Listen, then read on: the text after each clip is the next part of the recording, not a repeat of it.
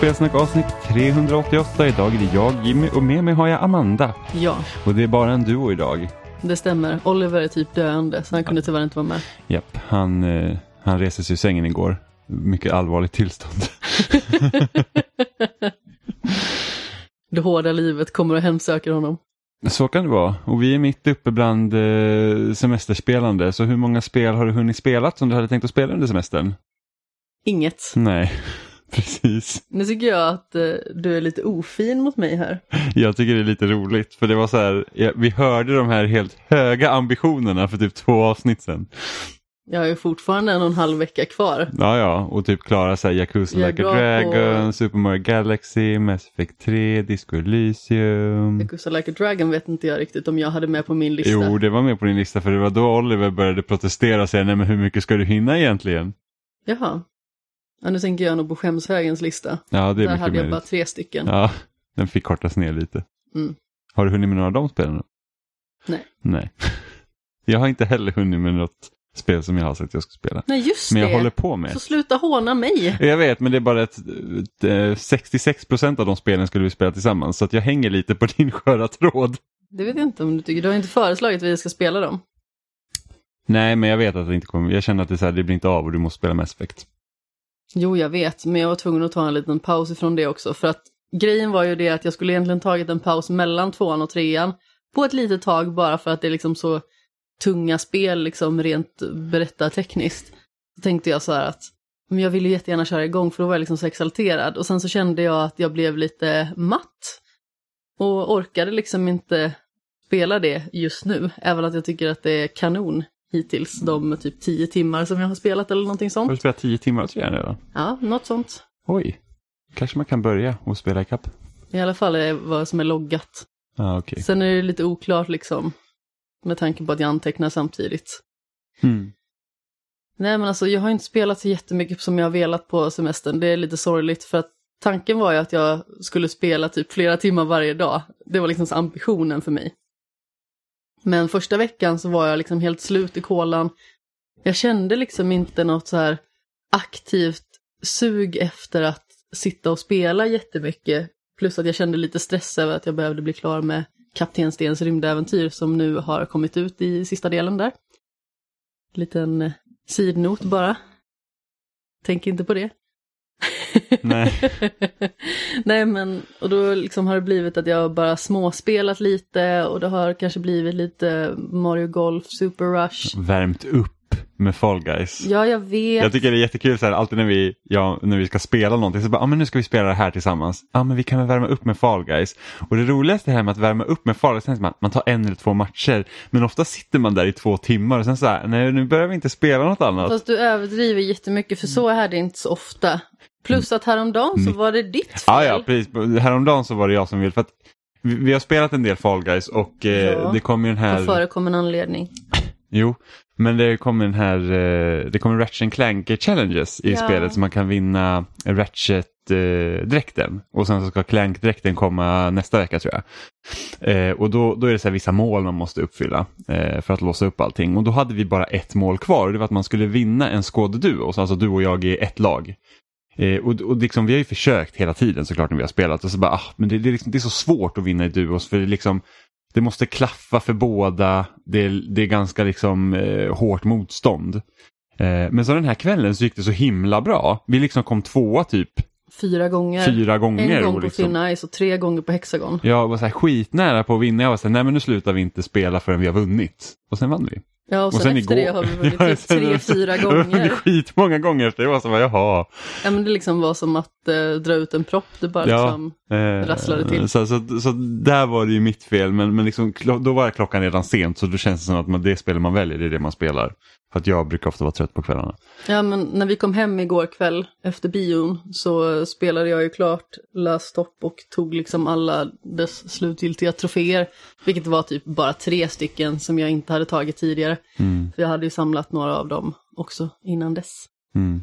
Så, så är det. Men ofta blir det så här, vi kan värma upp med Fall Guys. Man vet så här att okej den här kvällen då är det Fall Guys vi spelar. Men sluta Men det är sant. Men jag gillar Fall Guys. Ja, man kan gilla Fall Guys. Sen kan man också försöka lura sig själv i att det blir annat spelande förutom Fall Fast det Guys. blir oftast annat spelande, det är bara det att du försöker få det här till att vara någonting som är mycket roligare än vad det egentligen nej, är. Nej, nej, det, det är så. Jo, så ska vi jo. värma upp med Fall Guys? Man bara säger, mm, det är Fall Guys vi spelar. Ja, men det brukar alltid bli typ tre matcher. Ja, alltså sen, så, sen så kan jag ibland gå och spela annat och då fortsätter du med Fall Guys.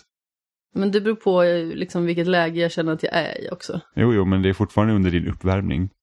Sluta. Det är sant. Nu känner jag mig kränkt. Nu vill inte jag vara Mm. med längre. För jag brukar, Ska alltså, jag gå och spela Fall Guys? ska du värma upp med Fall Guys? Jo. Kanske du hinner spela något annat imorgon. Ja, men du, hade, du nämnde ju Last Stop där som både du och jag har spelat. Ja. Jag fick ju faktiskt eh, äran, eller man ska säga, att recensera det för loading, så min recension kommer komma upp i övermorgon. Det vill säga fredag alltså, i relation till det här, när det här avsnittet släpps. Eh, Last Stop, det är ju eh, utvecklat av eh, Variable State, som också utvecklade det prisbelönta Virginia. Mm, som jag var väldigt förtjust i. Ja, alltså jag var också förtjust i det. Däremot så tror jag att det var många som älskade det mycket mer än vad jag gjorde. Men nu när jag tänker tillbaka på det så känner jag att det kanske inte var så extremt minnesvärt så sett. Men det är fortfarande ett väldigt bra spel. Sen som sagt, man kan ju inte komma ihåg varenda liksom vändning i alla spel alltid. Men jag känner liksom att eh, på pappret så trodde jag att det här skulle sparka Virginias röv. Men eh, det gjorde det inte riktigt. Vilket jag är väldigt besviken över. Ja, nej, men du gillar ju spelet mer än vad jag gjorde. Ja, men alltså jag tycker att det är ett bra spel, men det kanske är ett typiskt sånt här 6 av 10 spel. Det är liksom inte dåligt på något vis och det har väldigt många bra komponenter, men det är liksom många grejer som de hade kunnat göra betydligt bättre. Vi kan ju säga som så att det handlar ju om tre stycken huvudkaraktärer. Eh, vi har Donna som alltså är en tonåring som eh, känner sig liksom väldigt instängd av sin familj och hon känner att de liksom kontrollerar henne och vill att hon alltid ska vara hemma när hon egentligen vill vara ute och umgås med sina vänner. Så som tonåringar oftast vill naturligtvis. Och eh, vill på något vis här revoltera emot eh, familjetraditioner. Eh, och sen så har vi en kvinna som heter Mina som jobbar med ytterst hemliga uppdrag. Man skulle kunna säga på liksom ett departement i mångt och mycket. Och hon liksom försummar sin familj i mångt och mycket genom att överarbeta och hela tiden sätta sitt jobb i första rummet. Och sen så har vi... eh, Inte bara sitt jobb, jag tycker hon sätter sig väldigt mycket själv i första rummet. Ja, ja, absolut. Mm. Men det är ju mycket för att hela hennes identitet är hennes jobb. Mm. Och sen så har vi då John Smith som eh, inte bara har ett eh, mall och ett namn utan också liksom är lite av en, ja, ganska så, så tråkig snubbe. Han är väldigt grå. Ja, alltså men det är liksom så att, Det är typ så här, en kommunalarbetare har åldrats lite i förtid för att han fick en hjärtattack. Han eh, liksom är lite smågubbig, men han är väldigt älskvärd. han tappat liksom livsgnistan lite, liksom bara så att han, han bara följer med. Ja men strömmen, precis, han är liksom ingen otrevlig karaktär på något vis, men han är liksom eh, ensamstående far och tar hand om sin 80, eh, 80-åriga, 8-åriga dotter. Mm. Eh, och så får man liksom följa dem då, alla tre i, i deras liv. Mm. Och det är liksom uppdelat i kapitelform då. Så att det finns sex stycken olika kapitel per person och sedan så ska det här då kulminera i ett avslutande kapitel där alla de här historierna vävs samman. Och man ser ju det, vilket jag tycker är väldigt snyggt, att ju längre in i berättelserna man kommer, desto mer börjar olika karaktärer från respektives del dyka upp i de andra delarna. Mm. Så man märker ju liksom hur de successivt Återkommande, sammanflätas. återkommande karaktärer så att liksom de, har, de, de knyter ihop. Återkommande platser. Precis. Eh, sen så finns det ju en övernaturlig twist i det hela. Så Ja, spelet inleds ju med att en, en kvinna då försvinner in typ i en magisk portal. Och det är väl liksom ligger grunden i mysteriet i hela spelet. Ja men exakt. Eh, även om jag tycker att den delen, liksom spelet handlar inte om det förrän i princip i början och i slutet. Ja men precis, alltså den inledande sekvensen innan själva kapitlen ens börjar så handlar det om det. Och sedan i slutet Mm. när eh, man liksom då får veta då att den här portalen har öppnats igen och man ska kunna färdas igenom den. Mm. Och att det liksom kan vara så att det liksom inte finns någon återvändo.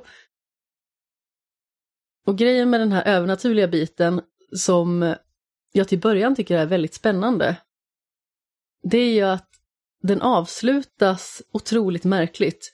Jag tänker att vi ska försöka att hålla oss så spoilerande, eller så, hålla oss ifrån att spoilera Ja, men, eh, så mycket som möjligt. Men Mm, men jag kan säga så här, det faller likt ett David Cage-spel tycker jag. Jag tycker att, jag tycker att mot slutet så liksom det är... För att, för att stor del av spelet handlar om de här liksom karaktärerna och jag känner det liksom slängs lite bort i slutet. För att det liksom blir helt plötsligt blir den här, så här superövernaturliga liksom avslutningen som var så här att jag, jag tycker liksom inte att spelet eh, ens leds in i det på ett bra sätt. alltså det byggs inte upp så väl någonstans. Och det känns väldigt synd för att jag uppskattar liksom själva mysteriet i mångt och mycket. Jag tycker att det är väldigt spännande i de olika komponenterna och de övernaturliga delarna som presenteras i varje persons del. Men sen så görs det inte så himla mycket med det och väldigt många av de här sakerna lämnas extremt oförklarade. Men speciellt när de var så viktiga under liksom berättelsens gång. Ja. Det är liksom så att, speciellt i Donnas del så finns det en, en, ett element där som är liksom otroligt närvarande och det liksom får, liksom, visst, spelet går ju mycket ut på att karaktärerna ska hittas någon form av liksom, vad som är viktigt för dem själva, liksom, att de, de hittar igen vad, vad är det viktigt med deras liv. Så liksom Mm. Saker som de kanske har försummat eller liksom saker de kanske inte riktigt har sett på, på ett visst sätt.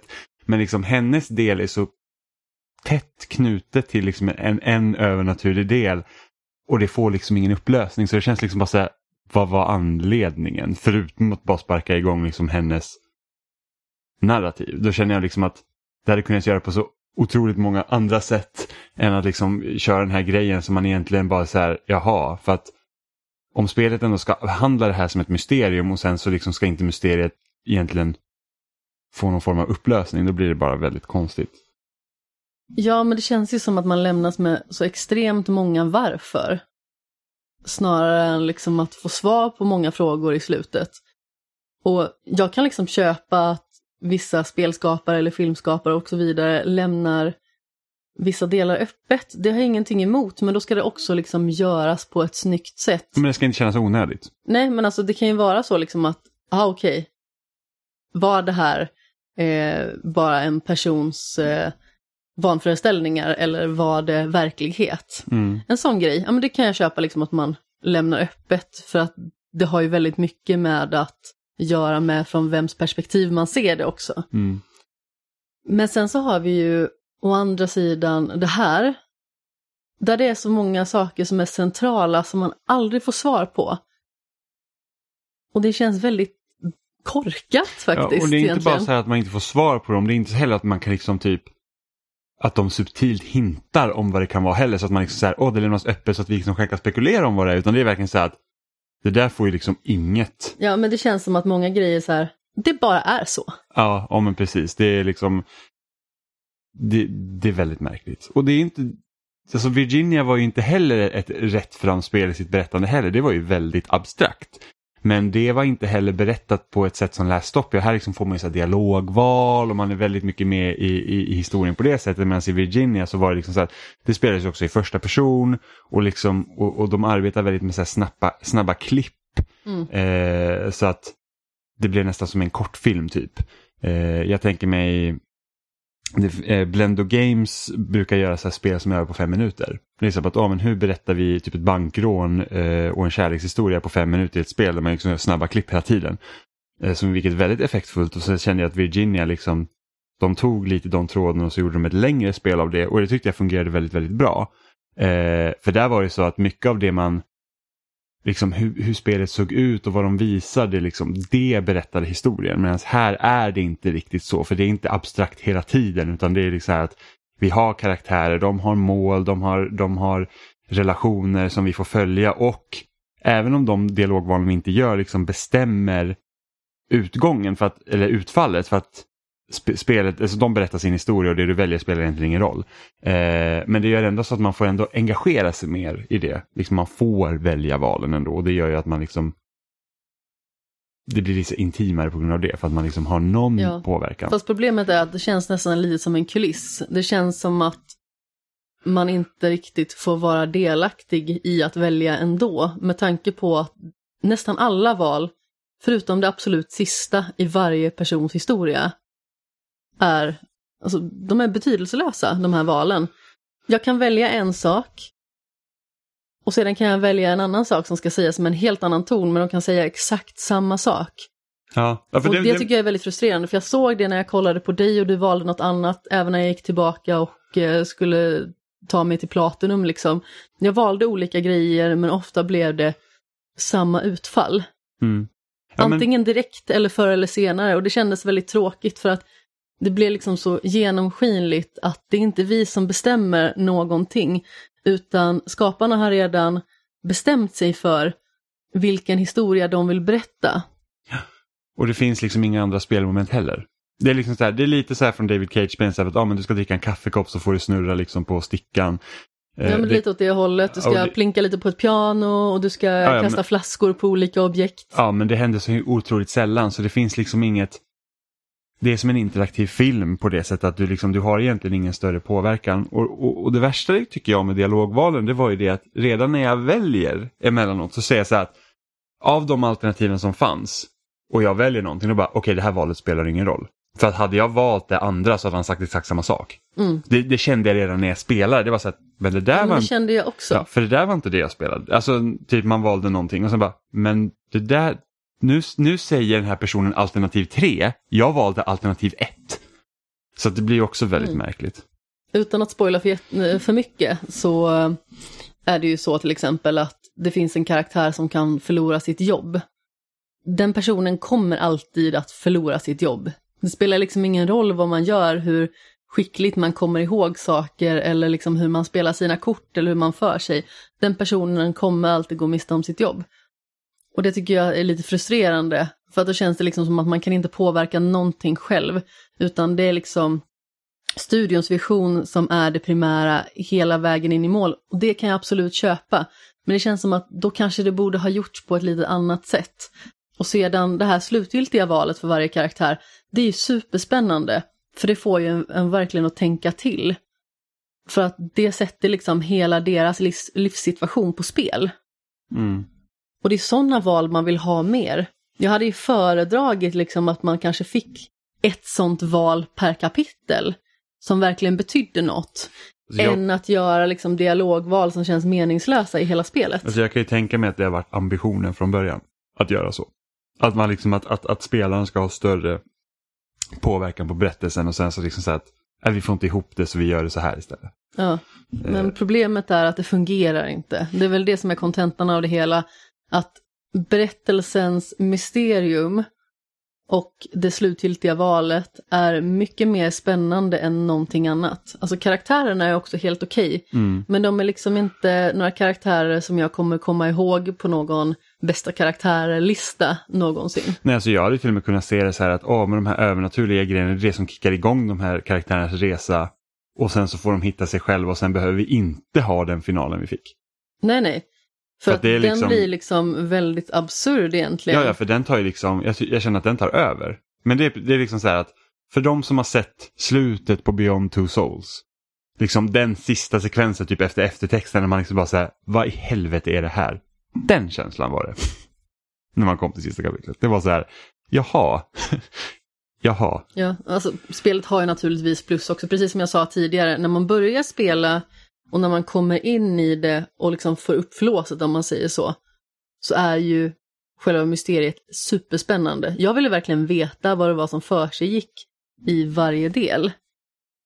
Och sedan så är det ju tyvärr så att det liksom inte blev så sammanvävt i slutet och så spännande avslutning som man hade hoppats. Men på vägen dit så får man liksom en ganska intressant resa. Och det finns ju, framförallt i eh, Johns del så finns det väldigt många intressanta aspekter hur man liksom ska tänka om att liksom byta liv med någon annan. Vill man ha någon annans vardag? Är det värt det?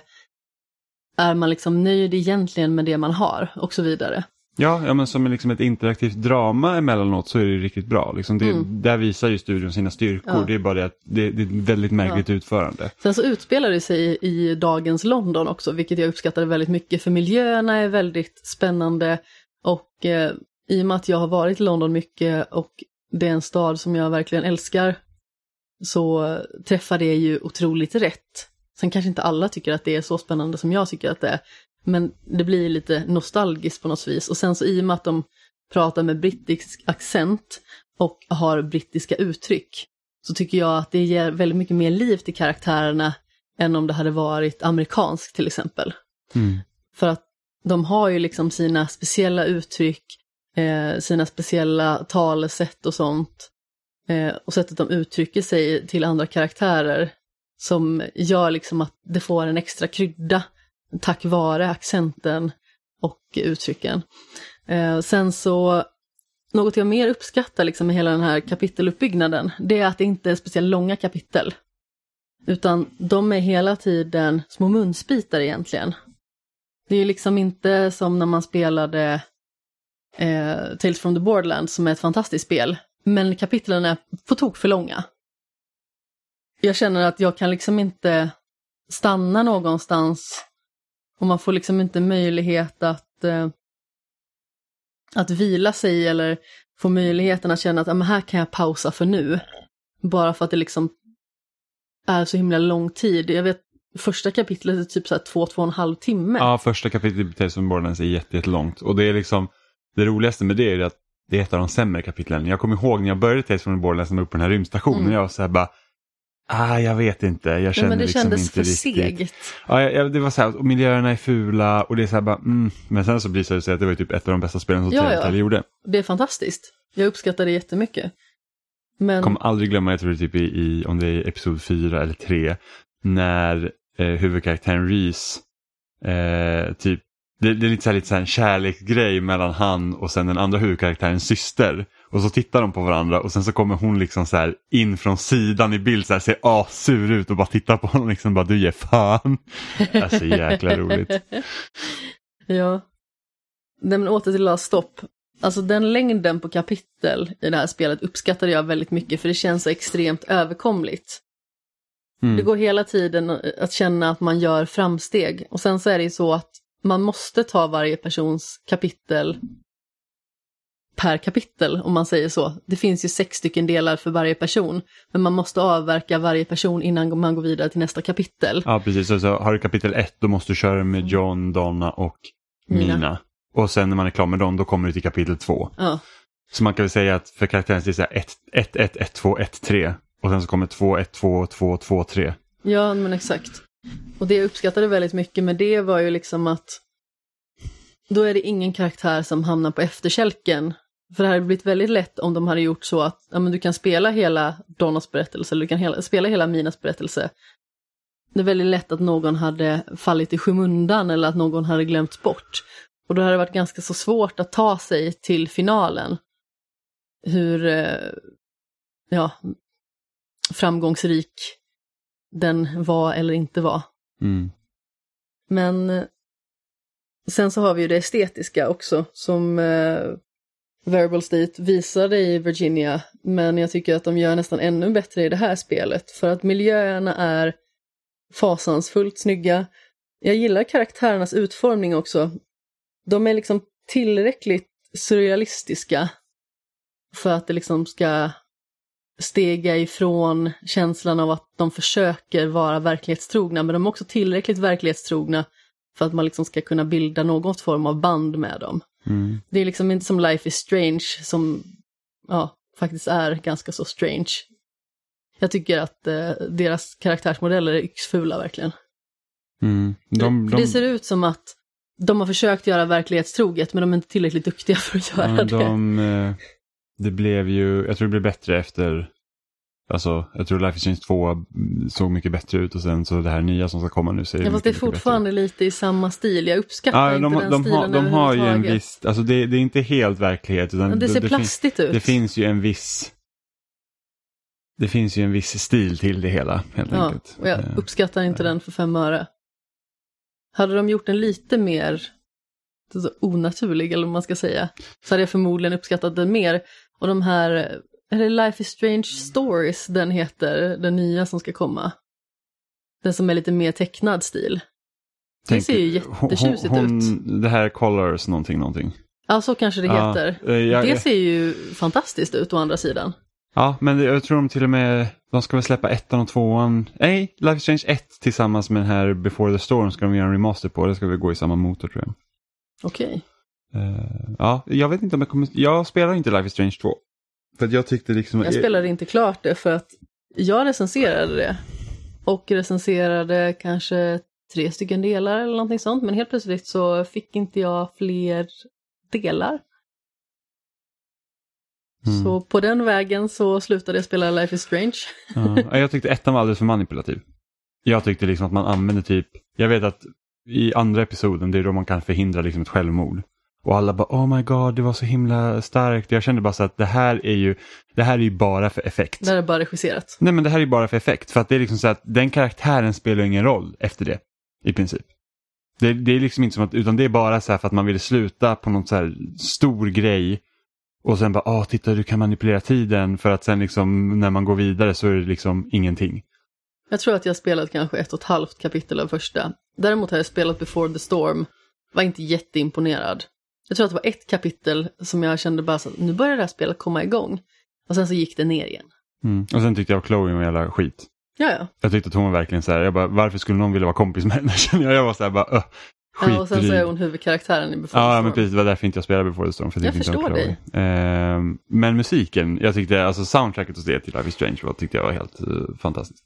Ja, men det är Och, och, jag, ty- och jag tyckte liksom om egentligen att man hade den här, det bästa med Life is Strange tror jag, det var liksom att man hade de här, eh, det var väldigt stort fokus liksom på, på kvinnlig vänskap och, och liksom att hur det är att vara liksom high school och vara tjej i princip. Det är liksom så här att det var många saker de försökte göra naturliga. Liksom, som, som så här, men kvinnor har mens, det ska liksom inte vara konstigt. Och det är klart sådana grejer finns när man liksom går runt i deras eh, eh, vad heter det, korridor som de bor i. Liksom, så att, ja, men det binder här, liksom, man pratar om liksom, mensvärk och sådana saker. Liksom, som, och liksom avdramatisera det hela, Mm. det tyckte jag de gjorde jättebra. Men jag sen tror att problemet var det andra Life saker som var eh, mindre bra. för egen del är liksom att det känns så extremt mycket påtagligt som att det är vuxna människor som skriver tonåringar, för det känns inte naturligt. Ja, men det, det roligaste är att de har använt det här uttrycket hella eh, hela tiden. Eh, och det roligaste, det, det är ju ett uttryck som används, som jag har förstått det, i San Francisco-regionen. Och det här utspelas ju inte där. Mm. Så det var jättekul för det är podcasten jag lyssnar på, ja, men om man, speciellt om man tänker typ på IGN större podcast till exempel, de, de liksom, deras kontor är ju i San Francisco och alla var så här typ att det där är väldigt konstigt liksom att, att folk ska säga som inte är härifrån till exempel. Och liksom att det skulle vara något liksom markering för ungdomsslang. Ja, det passar ju liksom inte riktigt in många gånger hur de uttrycker sig och jag känner ju liksom själv att ja, det kanske är snarare så att jag inte var sån här som tonåring. Men problemet är att det är extremt svårt att relatera till. För jag känner mig inte alls igen i hur liksom karaktärerna reagerar eller agerar. Det kan jag tycka är väldigt frustrerande. Men avslutningsvis om Last Stop så kändes det som att på pappret så hade det väldigt mycket mer att ge än vad man fick. Och man lämnades med väldigt mycket mer frågetecken än svar på dem. Mm. Det finns på Game Pass ifall man liksom är nyfiken. Men Ja, så- alltså, precis, det är spelvärt. Det är vad jag tycker. Och sen så är det inte jättelångt heller. Men eh, man kanske inte ska förbereda sig på fyrverkerier direkt. ja. Ja, jag, jag kan inte säga att jag tyckte om det speciellt mycket faktiskt. Jag tyckte det var hyfsat. Ja, Jag klarade i alla fall ut Final Fantasy 10, äntligen. Som har liksom legat, eller äntligen och äntligen, det känns som att jag har hållit på med det hur länge som helst, det har jag inte gjort. Fast det känns som att du har hållit på med Fast det jag hur länge som har helst. inte det, jag började typ med någon gång, jag tror veckan innan semestern eller någonting sånt. Det är rätt länge för att vara du. Ja, men det är ett långt spel och sen är det alltid ett recensionsuppdrag i mitten. Så där. Så att, men det, och, men sånt stör ju mig liksom när, när jag inte kan klara ut ett spel, att jag måste liksom, det ligger hela tiden i bakgrunden så att jag, jag har det kvar. Och jag var så nära slutet. Jag var ju verkligen liksom på, precis innan Skyward Sword kom så var jag liksom så här att jag var på sista kapitlet. Liksom. Eh, så jag klarade ut det äntligen och det, det, var, det var väldigt bra faktiskt. Det, det är nog det bästa av de då moderna Final Fantasy, om man nu kan kalla ett 20 år gammalt spel modernt. Eh, men jag känner väl liksom att, som jag sa sist när vi pratade om Final Fantasy 10, så sa jag, det kändes som att det här var starten liksom för de moderna spelen. Så man tittar liksom på Final Fantasy 13 och 15 och 12. Eh, så känns det som att det här var liksom början på liksom hur spelen är formade efter. Eh, och det var bra. Det, jag tyckte verkligen om det. Det kändes liksom... Det fick en bra avslutning och jag gillade karaktärerna. Och även om jag tycker att musiken på sista bossen är otroligt märklig. För du har ju liksom hela den här inramningen i soundtracket. Liksom att den här religionen med the faith och allt sånt där.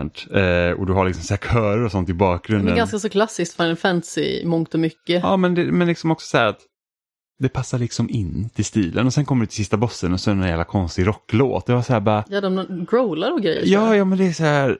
Det är jättemärkligt verkligen. Jag var så här, vad, vad händer nu? Och sen otroligt irriterande med tanke på att det är ett gammalt spel när man var på sista bossen. Det är att sista bossen har ju så här att när man attackerar honom så, så gör han sin attack och sen har han två typ så här pelare som helar honom. Och så ska liksom pelaren ett hela honom och pelare två hela honom. Och då, är, då måste man liksom se de här animationerna hela tiden så det tar ju liksom, striden blir otroligt utdragen för att man inte kan hoppa över. Att liksom bara säga att oh, men okej, jag vet vad du ska göra nu, bara gör det. Utan nu ska man se, pelare ett snurrar och så kommer blixtrarna och så helas bossen och så ska det vara samma process för den andra pelaren. Och sen har man otur så kanske bossen attackerar igen och nästa bossen attackerat då måste pelarna gå igång så är det pelare 1, pelare 2 och man säger bara Snälla någon, bespara mig för jag dog ganska mycket. Så att jag behövde ju liksom, efter att jag kommit till sista bossen, jag, jag hatar att grinda och jag, jag stressar ofta alltid på i RPG. Det är så här bara att nej men alltså okej, okay, det kanske går lite på en skör tråd just nu att jag klarar mig precis, men det går nog bra, jag klarar mig hittills.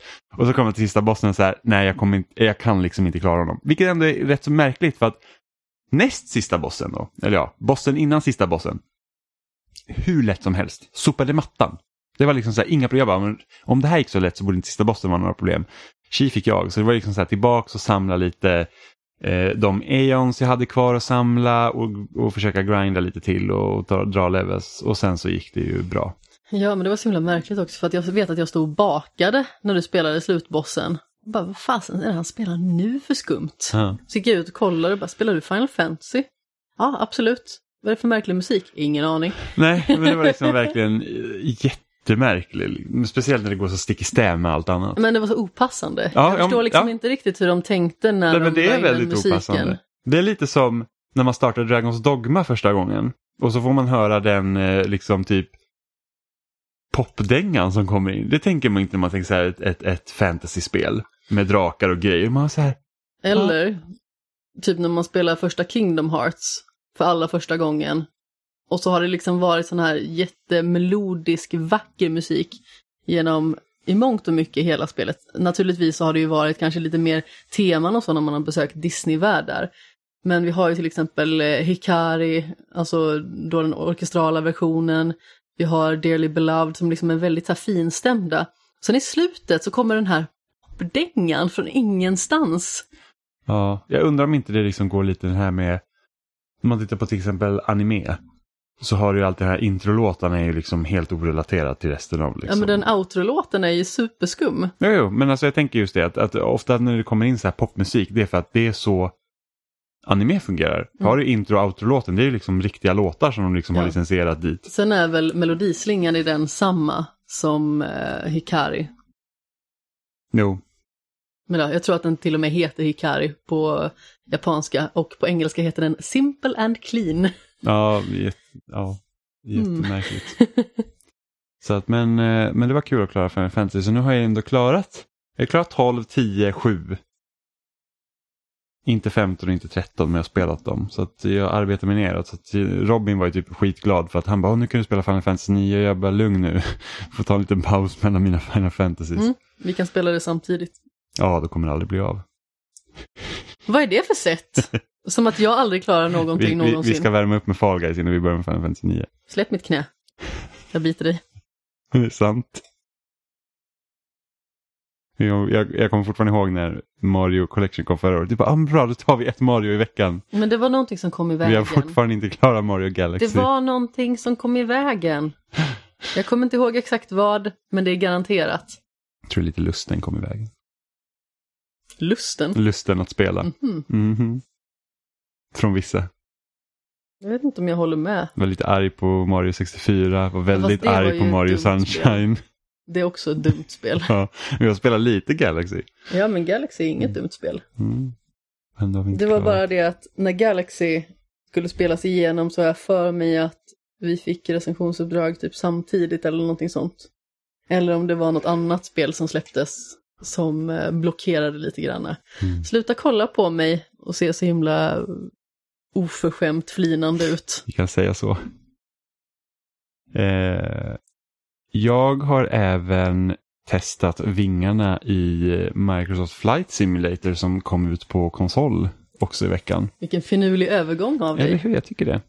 Eh, och jag har inte spelat det jättemycket utan jag har liksom mest hoppat in eh, och hoppat in i så här träningsläget bara för att lära mig att hantera flygplanet. Eh, och det är väl det fungerar väl bra på konsol. Jag har inte testat det på PC men jag kan ju tänka mig att det här är ju absolut roligast om man faktiskt har en riktig liksom, joystick och, och liksom pedalerna och sånt som de släppte med liksom, till spelet på PC för att det ska kännas som att flyga ett riktigt flygplan. För att det här är inte bara, det heter inte Flight Simulator och du typ så här flyger lite utan det är verkligen Flight Simulator så att du får verkligen lära dig hur det är typ att hantera ett flygplan. Nu har jag liksom eh, flygit med så här assisterat läge helt på så jag antar att det är mycket lättare så man kan liksom cruisa runt lite men vill man köra riktigt hardcore då gäller det liksom att då får du säkert kämpa för att ha uppe det hela planet i luften. Och det var väldigt roligt för att jag tror att jag vaknade till efter en lur och sa du, jag ska flyga från Arlanda till Alingsås. Men så kom jag på att det är realtid. Ja, ja, men det tar ju ungefär, alltså, det var ju verkligen så här, men, ja, men det borde vi inte ta så lång tid. Och sen så här, när jag flyger tio minuter så här, jag ser fortfarande Märsta och man bara, det här kommer ta lika lång tid som det skulle ta i verkligheten, eller hur? och det är så bara, hur långt är det mellan Arlanda och Göteborg? liksom. Eh, så att, att, Flygtid typ en timme. ja, så att man kan liksom köra så här att man liksom har kontakt med flygtorn och allt sånt där. Eh, så att man liksom vet vilken väg man ska ta och hur man ska flyga om man vill. Men vill man liksom bara cruisa, liksom så här att ah, men jag vill bara typ se pyramiderna till exempel, då kan man ju säkert bara så, ja, men jag vill flyga härifrån, starta där så kan man liksom titta på pyramiderna lite och sen så kan, man, kan det vara bra så. Eh, för att, något som är liksom lite störande när du kör med en handkontroll bara, det är det att de har inte, det fungerar ju liksom, du har ju en pekare som om det vore en mus.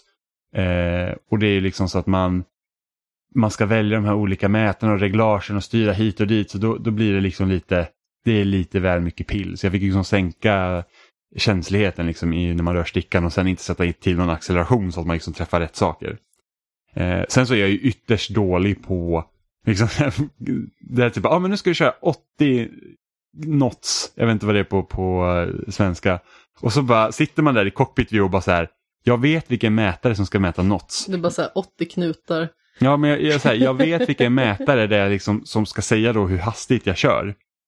Men jag tittar på mätaren och jag kan inte säga hur hastigt jag kör. Går man ut i tredjepersonsvy som man ser liksom planet utifrån, då får man upp de här liksom olika mätarna på skärmen då, som liksom i ett interface. Då är det mycket tydligare. Så det var liksom så här bara, oh. Och sen typ när man ska hålla så här, Är det samma som när man kör båt och kanske knop? Det kanske, jag vet inte. Jag har ingen jag har ingen aning. aning. 80 knots skulle jag i alla fall flyga och det gick ju mindre bra. Och sen så när man ska typ Det är alltså en hastighet, eller? Ja, precis. Ja. Ja. men det är som kilometer i timmen fast knots. Ja. Fast knots. Det är inte så här knots per timme utan det är, du åker i 80 knots. Jag vet inte hur man räknar. Eh, och sen så Sen så har man typ så här gas och liksom så har man så ett reglage för gas, liksom hur, hur, hur många varv motorn ska snurra. Och då håller man liksom in A för att öka eller B för att sänka.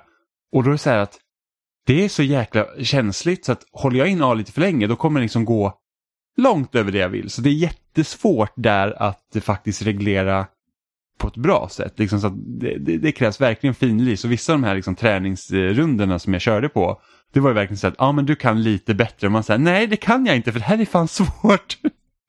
så att eh, jag vet inte om jag tycker att spelet är speciellt roligt. För jag känner så att då kanske man skulle behöva investera då i en joystick och det är jag inte intresserad av för jag är inte så intresserad av flygplan. Det kan vara så här att man kan stå på en podcast och kanske köra en långflygning och det kan vara skithärligt liksom och bara så här kolla på miljön och så för att tekniken är jätteimponerande liksom hur de har byggt upp liksom hela jordgloben i princip och, och liksom hur detaljerat det är på många platser. Sen finns det ju platser såklart som ser mindre bra ut men eh, men liksom alltså, stora landmärken och sånt det är liksom verkligen supersnyggt så det är skithäftigt verkligen. Jag s- ninja-googlade i bakgrunden och eh, Något är knop. Det är knop. Så jag flög i 80 knop. Jag vet inte hur snabbt 80 knop är ens. Vad är en knop? Vad körde du för sorts plan? Ett propellerplan. Kan det vara? Jag måste nog ninja-googla lite Fast- till, fast- prata på. Fast en knop, en knop för ett propellerplan måste vara lika mycket som en knop för en typ superjet liksom. Alltså en, Jo, jo. en knop måste ju alltid vara en knop. Men jag var tvungen att liksom bara sätta det i relation till, Aha. alltså, vad är det för sorts plan? Hur fort kan ett plan flyga Ah, liksom? okej. Bara så jag kunde visualisera det i mitt huvud. En cool grej dock med Microsoft Flight Simulator när man liksom kopplar mot nätet, det är ju liksom det att den kör ju väder och sånt i realtid. Så att om, det, om jag skulle liksom flyga över Alingsås och det är storm, då är det storm i spelet också. Eh, eh, eller liksom om jag ställer in liksom som att, som när jag spelade Flight Simulator var det kväll. Så att när jag startade från Arlanda så var det mörkt, man såg inte så jävla mycket. Så då kan man ju säkert ställa in tiden också att jag vill köra mitt på dagen i så fall. Men om man vill så kan man köra i realtid och då kan det vara ganska kul om man liksom flyger från ett ställe, liksom en plats på jorden och sen så liksom möter man solnedgången och något sånt som man flyger liksom med. Men det är, ett, eh, det är rätt så imponerande faktiskt. Men jag vet inte om jag tycker att det är så kul. Jag, jag tror inte riktigt att det är, det är min grej att sitta och flyga ett plan i flera timmar som jag inte gör så mycket med. Eftersom när man kör med handkontroll så är det förmodligen mycket, mycket lättare att köra med, med den assistans som finns än att man liksom ska hålla på med allting. För att hålla på med reglage med, med liksom handkontrollen, det är inte lätt. Sen kan man ju koppla in mus och tangentbord till en Xbox också och köra med alla tre. Men det är liksom, Kommer du landa i gärsken när du kommer fram till Alingsås? det är lite för mycket jobb. Ja, om gärsken existerar när man kommer fram, man vet ju inte hur det ser ut. What is this gherkin? Ja, så att, eh, men det, det, det är ett ganska roligt spel faktiskt. Så jag vet inte riktigt om hur mycket mer jag kommer spela. Förmodligen inte alls, om jag känner dig. Jo, men lite. Alltså, jag, jag känner mig inte riktigt klar. Jag tyckte de här olika utmaningarna som man kunde när man körde träningsläger och sånt, det var rätt så roligt. Eh, men eh, det var liksom, så här, det var lite för segt den tiden jag satt. Det var lite det jag åsyftade. Oj, oj, oj. Du har inget intresse av att testa Flight Simulator? Nej. Det är ungefär som man tänker så här, typ Train Simulator finns, tror jag finns. Och man säger bara, hur är det spännande? Där hade ju Stefan kunnat svara på det om han tycker, är, är det väldigt spännande att köra tåg liksom? Ta med Stefan enbart på det. Mm. Jag undrar om Mats hade spelat Train Simulator. Vi Det glömde han fråga. säkert. För liksom så att, vad, vad, är, vad är det då man gör? För att liksom räls, alltså är det så här att, oh, nu ska vi byta, nu ska vi byta spår när det kommer en delning här, det blir spännande. Är det sånt det liksom går till? Liksom? Det blir Nu, låter, nu låter det som att jag typ så bara, åh det är så lätt att köra tåg. Jag har ingen aning om hur jag kör tåg, men jag tänker liksom så här att Sitter man i ett plan ändå, då finns det ändå mycket som kan gå fel. Eller okej, säkert mycket som kan gå fel när man kör tåg också, men det är så här fortfarande, det är inte som att man kan styra höger och vänster när man vill, utan du är ju bunden till ditt spår. Jag är inte jättemycket för sådana här, så att säga, realistiska simulatorer, utan jag tror att det närmsta som jag känner mig spänd på, det är ju det här Two Point Campus som kommer nästa år. Ja, I och med att jag var så fäst vid eh, Two Point Hospital. Ja, jag är ju, alltså jag, jag, jag gillar inte de här simulatorerna när man så här, åh, här har du banor. Jag är så här bara att låt mig, jag vill liksom bygga på. Liksom, jag har mitt sjukhus och det är det jag sköter. Och sen så expanderar man och expanderar man och så bygger man ut det och, och, och fixar. Det är det jag vill spela när jag spelar en simulator. Det är som, som typ SimCity hade inte varit kul om det är så här typ att Ja, nu ska du fixa den här stadsdelen och sen är du klar med den. Åh, vad duktig du är. Nu ska du gå till nästa grej och så får man byta bana. Jag vill ju bygga, liksom det är så här, jag börjar med ett bondesamhälle här, vilket som det alltid såg ut när jag eh, körde SimCity 4 och jag lyckades aldrig expandera den staden. Jag vet inte, SimCity 4 var jättekonstigt för att det var, det var verkligen skitsvårt. Jag kom liksom aldrig ur det här med att man typ har åkerplättar och liksom grusvägar för att det liksom flyttade inga folk till min stad. Det var så här, bara, jag, nu har jag 200 som bor här. Det blir inte bättre än så. Jag förstår liksom inte varför. Eh, sen City Skylines var ju skitkul. Ja, Jag har också köpt det, men inte spelat den. Mm. Och det hade ju inte Jag varit... fruktar för min fritid, eller vad man ska säga. Ja, men alltså det... eh, Vi vet ju alla liksom, jag tror jag berättade om det i podden tidigare också, jag tror Emma berättade själv när hon också var med, var ju det här med att hon hade ju otroligt komplicerade cykel och gångvägar. Och det var typ så här, oj jag ser att folk har med bussen här och de vill hit. Så att då byggde de alltså, ett spindelnät av eh, gångvägar. Det var helt bisarrt. Och fascinerande. För att jag är ju sån när jag spelar, jag, jag är så ute efter att maximera allting så jag kommer inte på så här konstiga idéer. Jag är bara så här att ah, men det här ser ut att vara mest effektivt och så gör jag det. Men alltså Emma var så här att jag ska ha gång och cykelvägar. Det tycker jag är rätt så kul. Ja. Hur hade du gjort? Är du också sån som effektiviserar eller kan du snöa in dig på en grej som är konstig? Jag tror att det är lite beroende på vad det är för sorts spel. Faktiskt, om jag ska vara helt ärlig. Mhm. Men det återstår väl att se när jag spelar City Skylines antar jag. Men jag tror att jag är lite mer övergripande också, för jag vill ju kanske snarare uppnå vissa mål som oftast finns i spel. Då försöker jag liksom att optimera vägen till det målet så väl jag kan och sedan så får man liksom släppa det och gå vidare till någonting annat. Typ om jag spelade Sims till exempel. Då kan det ju vara att ja, men den här simmen vill jag ska uppnå det här, jag vill att den ska uppnå eh, toppen av sin karriär.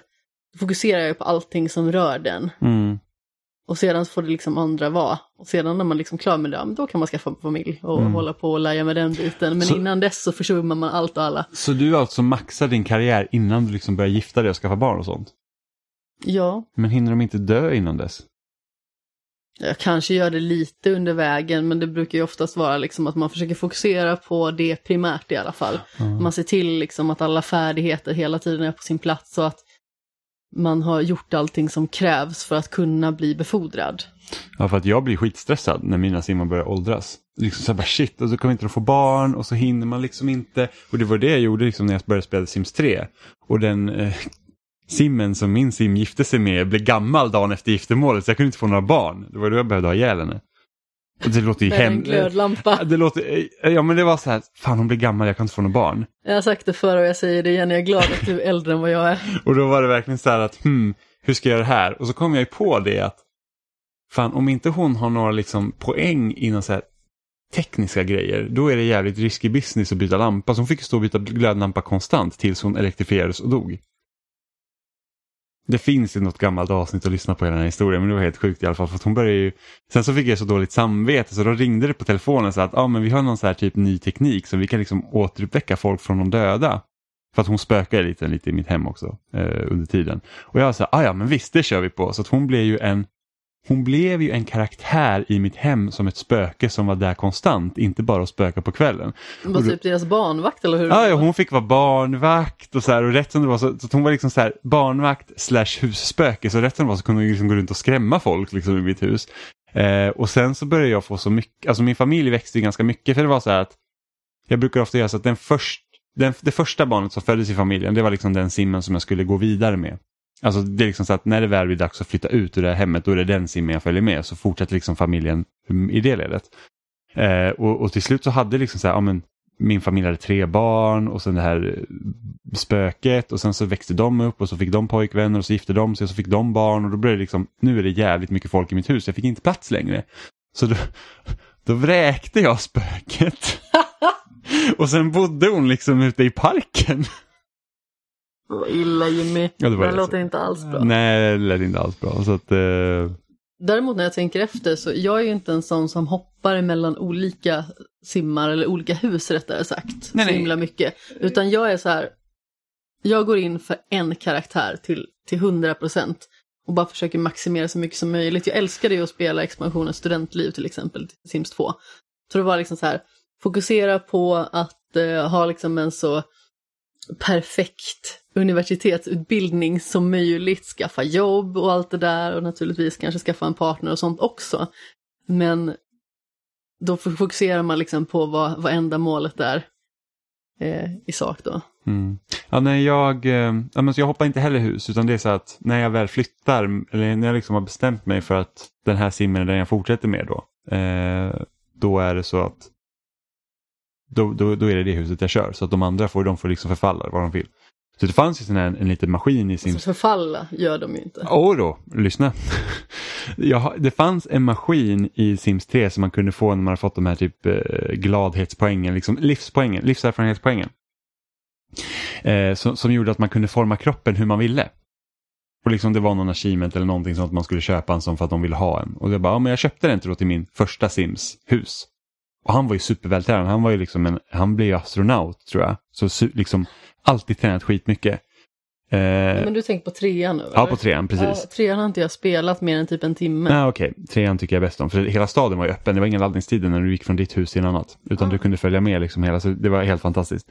Eh, men i alla fall, så då fanns den här maskinen då som man kunde forma sin kropp hur man ville. För att någon sim ville ha den och så fick man extra poäng. Och tänkte ja men då köper jag den. Så flyttade jag ut då med, jag tror det den först, första barnet som vi fick var en dotter. Så jag följde liksom hennes liv efter det. Så flyttade vi ut. Och då tänkte jag att jag lämnade min, min första sim som förvisso var pensionär vid den här tidpunkten, supervältränad för att vara pensionär. Flytta hus, första gången de kommer över på besök, då är han smällfet. Då har han gått in i den här manicken och gjort sig tjock. Och var jättenöjd med det och jag var så här bara, ja du har väl förtjänat det. Men det var liksom så här, det var det första han gjorde efter jag liksom hållit honom i topptrim. Så var det liksom så här att han, han förföll helt och hållet. Han, han bara, I'm letting myself go, I'm gonna eat everything. Ja, men i The Sims 2 så var det liksom som att ingenting hade hänt när man återgick till någon person. Nej, så de åldrades inte mer då eller? Nej, utan då var det liksom så här, ja, men är man i ett hus och spelar det liksom i typ sju år, sen går man till ett annat hus, då har liksom inte tid förflutit hos dem. Jag tror man kunde ställa in det i The Sims 3 att du kan vara så att ja, men går tiden så går tiden för alla. Ah, Och jag okej. tror jag gjorde så för att jag ville liksom ha den dynamiska liksom världen. Ja. Eh, så att det visar att eftersom mina simmar ofta fick ganska många barn så var det ofta så liksom att de flyttade ut och jag ville liksom den se... denna fascination? Nej men alltså, Ja, det är det här med Jimmys armé igen. Nej, men det var roligt liksom att se hur, hur liksom mitt släktträd skulle forma sig. För det, var det, det var det som var så kul när jag, för att jag spelade knappt The Sims 2. Jag gick från ettan till trean. Och sen när jag spelade Sims 2 på GameCube. Men problemet med The Sims 2 på GameCube var det att ingen åldrades, vilket var den stora nyheten i Sims 2. Och det gick inte att skaffa barn. Vilket var så här, eller var det Sims 3? till Game- Nej, det måste ha varit Sims 2. Vad du har sagt trean innan? För att de kunde inte skaffa barn och det var därför du gjorde din Severus Snape som låg runt som fasen. Men det måste ha varit Sims 2, för Sims 3 finns inte på GameCube. Det måste vara tvåan till GameCube. Jaha, du har sagt att det var Ja, trean. jag vet, men tiden. det måste vara tvåan. För att trean körde jag ju på PC. Eh, och det gick inte att skaffa barn och de åldrades inte och det var där sexguden Snape fick leva vidare. Det var så här för att det var så enkelt att skaffa vänner genom att ligga med folk. Så att det var liksom bara, man låg med dem och min, det värsta var att när man väl hade legat med någon då fick de nyckeln till ens hem. Så att mina elräkningar sköt ju i höjden för att jag hade den dyraste datorn så de kom ju bara hem till mig och spelade dator hela tiden. Så allt var liksom på konstant. Hör mer om det här i Skämshögen-episoden Severus Snapes Ja, sexskapader. ja, men det var, det var, det var nasty business alltså. Det var liksom, det var, det var typ så här, ah, jag Som en djungel där inne. ja, men det var, det var så här, ah, nu måste jag bli befordrad till mitt jobb. Så bara, hm, jag behöver ha tio vänner och jag bara, jag har fem. Så bara, nu är det dags att ligga i. Dubbel bemärkelse. Mm. Så, så att det, det är ju det som är typ det roligaste med Sims, att det händer så himla många knasiga grejer. Så jag tror det fanns ju, Superplay hade någon sån här The Sims special. När ettan hade varit ute i kanske två år eller någonting sånt. Och där hade liksom fått, läsare liksom fått skicka in eh, så här lustiga händelser som hade hänt. Och det var ju liksom jättekul att läsa. Så var det någon som hade typ, någons, så hade beställt någon sån här eh, catering till något party som de hade. Och då kocken hade gått dit och vägrat laga mat. Han stod typ och dansade lite vid poolen och sen gick han. Så liksom bara så här, jaha, ja det var ju normalt, det var bra. Jag hade så velat ha The Sims på Switch. Finns inte Sims 4 på Switch? Nej. Man hade säkert fått kört som skit alltså. Kanske, men jag hade gärna velat ha det på en bärbar maskin för jag hade älskat att kunna ha den tillgängligheten. Framförallt just på Switch där man liksom kan använda eh, skärmen på liksom Ja, ett men hade, hade de mer kunnat... praktiskt vis än vad man någonsin kan styra någonting på en Playstation 4 eller 5 när man spelar The Sims. Ja, hade de kunnat inkorporera liksom touchkontroller på Sims 4 där så hade det varit jättebra. För det, det är lite krångligt att bygga på konsol. Alltså det, det, det är lite för rörigt känner jag. Det är inte bara lite rörigt heller. Nej. Det bästa, på, Oerhört frustrerande. det bästa på Xbox är att där kan man koppla in mus tangentbord. Ja. Så man kan köra det som om det vore en PC. Ja. Sorgligt. Sorgligt. Ja, men jag hade så himla gärna velat spela mer The Sims 4 på um, Playstation 4 eller 5 då. Problemet är ju liksom att byggandet gör ju att varje hus ser ut som ett ruckel. Alltså det är ju så himla ofärdigt. Mm. Ja, det, det är jätterörigt. Jag tycker det är så himla synd att de inte... Nu vet jag ju att The Sims 4 till konsoler är samma som till PC. Så Det jag hade ju kunnat spela på din dator men jag föredrar ju att sitta och spela tillsammans med Mm. dig eller bredvid dig. men det, som hade varit, det som jag saknar i, i konsolversionen av Sims 4, det är co-op. Det fanns ju på GameCube, då kunde man spela två. Och det var så jäkla roligt. Sen jag, jag har säkert berättat det här också tusen gånger, att jag och Robin spelade i Sims 1 till GameCube. Vi spelade hur mycket som helst. Vissa satt typ 10-11 timmar i sträck och bara spelade Sims. Så hade vi så här bara, ah, nu kommer man in i den här svackan liksom. Så att nu, nu kommer min gubbe må skit ett par veckor bara för att man liksom, det har gått bra ett tag nu och sen så liksom är det något som gör att det inte stämmer och så går det liksom nerför och så måste man liksom arbeta upp det och sen fortsätter man. Så det var, det var, det var verkligen jätteroligt. Så är om ni hör det här, vi vill ha The Sims 5 på Switch och vi vill också att det ska kunna vara kooperativt läge. Ja. Tack så mycket, varsågod. Det tror jag aldrig kommer hända. Nej, Det hade ju varit något av de jag typ, vet, det är sorgligt men eh, det hade ju det är gått. en önskan, Det hade, precis ju, som någon annan. det hade ju gått om de typ hade gjort det som som de lite försökte med SimCity, det som släpptes 2013, var ju det att där kunde du ju samarbeta i en värld. Så du hade liksom, där varje spelare hade en egen stad så kunde man byta resurser och sånt med varandra. Det hade ju funkat i Sims också, man hade faktiskt gjort online-städer också. Så att vi har en stad, så kunde du och jag ha en gemensam stad och så hade vi ett hus, ett varsitt hus i den staden. Och så körde man sina Så man simmar kunnat samtidigt. byta mellan några karaktärer liksom, kanske. Nej men alltså du har ditt hus och jag har mitt hus och vi kör i samma värld. Ja, jo, Ja. men alltså man kan byta mellan några karaktärer, inte att man liksom har massa hus och massa karaktärer, utan man kanske har liksom sitt hus med några karaktärer och så kan man byta mellan dem bara. Ja, jag tänkte med att staden skulle vara öppen precis som i Sims 3, men du har ditt hus och jag har mitt hus. Ja, men man kan fortfarande röra sig öppet då. Ja, ja, ja, precis. Ja. Det är precis som att spela själv, bara att du vet att jag också styr mitt hus samtidigt. Mm. Och sen kan man liksom, då hade de kunnat liksom gå vidare på det här med interagera med akti- aktiviteter med varandra. Så att liksom säga, ja men, säg att vi båda liksom hade haft barn i, liksom som är jämn ålder så kan de liksom ha så här uh, lektid eller vad man ska kalla det. Ska laja. Ja, kan spöket vara barnvakt? Ja men precis, beware beware. De vet, det blir en jäkla historia när barnen kommer hem så bara vet ni vem som satt barnvakt åt oss? Lös lite grönt. Väldigt märkligt. Och rätt som det var så skrämde hon oss efter att hon typ lagade pannkakor. Jättekonstigt. Men jag gillar ändå det här liksom spöket som de fick vara min barnvakt. Så här, totalt liksom, inte släktskap eller någonting med liksom min familj utan hon fick bara vara någon liksom så här, typ. Helt okej med det. Ja, jag vet ju inte. Sen fick hon bo i parken efter det. Jag kan säga liksom sådär att eh, du har inte behandlat spöket med värdighet direkt. Nej, det gjorde jag inte. Alltså det, det, det är lite så att man skäms, men det är också en rolig, rolig historia. Absolut. Så att det och så när jag och Robin, när vi körde äh, The Sims på GameCube så var det det att vi det, man kommer ju till en punkt när man spelar någonting lite för mycket. Och vi, så här, vi gjorde ett Big Brother-hus. Där vi liksom var så här att vi gjorde den snällaste personen någonsin som fick bo med fyra andra personer som var skitelaka. Och vi skulle se hur, hur mycket var, var går gränsen till att den här personen blir så ledsen att den flyttar ut? Eh, och sen så hade vi ett annat hus, vi byggde ett jättestort hus där vi bjöd hem alla på fest och tog bort dörrarna. Och sen försökte vi ha ihjäl alla i det här huset. Och sen sa jag det, den som är kvar sist och överlever, den, liksom, den ska vi göra ett bra liv av. Och precis när alla hade dött utom en person, och det var vår egen liksom, sim då som överlevde så att vi kunde inte bara släppa ut henne i huset. Eh, då var det så här, oh shit hon är så jäkla hungrig, nu måste hon äta någonting så hon dog på vägen till kylskåpet. Så det var lite sorgligt. Alltså det är sådana grejer som är så himla roligt när man liksom sätter in ett rollspel till i själva rollspelet, om man säger så. Mm. Typ så här, ja men nu har jag tänkt att döda av den här föräldern jag just har skapat bara för att det ska vara en del av den här karaktärens Ja, livshistoria. Det har inte jag gjort. Inte. Nej, det har jag inte gjort. Utan jag har alltid bara tagit det som det kommer. Åh, jag kommer ihåg när min syrras första sim dog. Det var på The Sims 1. Och anledningen till att hennes sim dog var för att hon tände på raketer i vardagsrummet som flög rakt upp och sen tände en eld på allting. Då var inte hon glad. Hon bara, men jag visste inte att, skulle, att de skulle dö. Och jag bara, men alltså, Du tänk, tände på du tände på raketer raketer inomhus. liksom, inomhus. Vad trodde du skulle hända? Eh, så det var lite roligt faktiskt. Mycket. Ja. Men eh, jag tror det var allt vi hade för idag. Ja, ja visst. För nu har vi pratat en timme och vi har, inte, vi har inte spelat så mycket mer än så. Jag har börjat med Metroid Fusion så det är säkert mer att säga om nästa vecka. Och sen har vi börjat på The Ascent också så förhoppningsvis har vi spelat lite mer av det till nästa vecka också. Om inte vi har spelat mer Fall Guys. Hej då!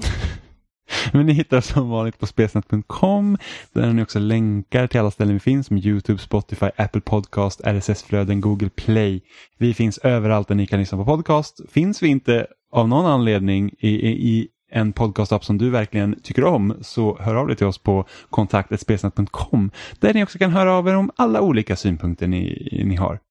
Skriv även på loading.se, Instagram, Facebook. Eh, vi brukar ta kommentarer överallt ifrån, vart vi får dem, så länge vi har sett dem. Och har ni inte tröttnat på att lyssna på mig och Jimmy prata om Mass Effect så har det också kommit ut ett eh, avsnitt där vi pratar om bara första spelet och de val vi har gjort. Så det får man jättegärna lyssna på och sedan även den sammanklippta versionen av Kapten Stens rymdäventyr som en liten extra bonus på det. Mm, på skämshögen. Jajamän. Så hörs vi igen om en vecka. Puss i. Hej då!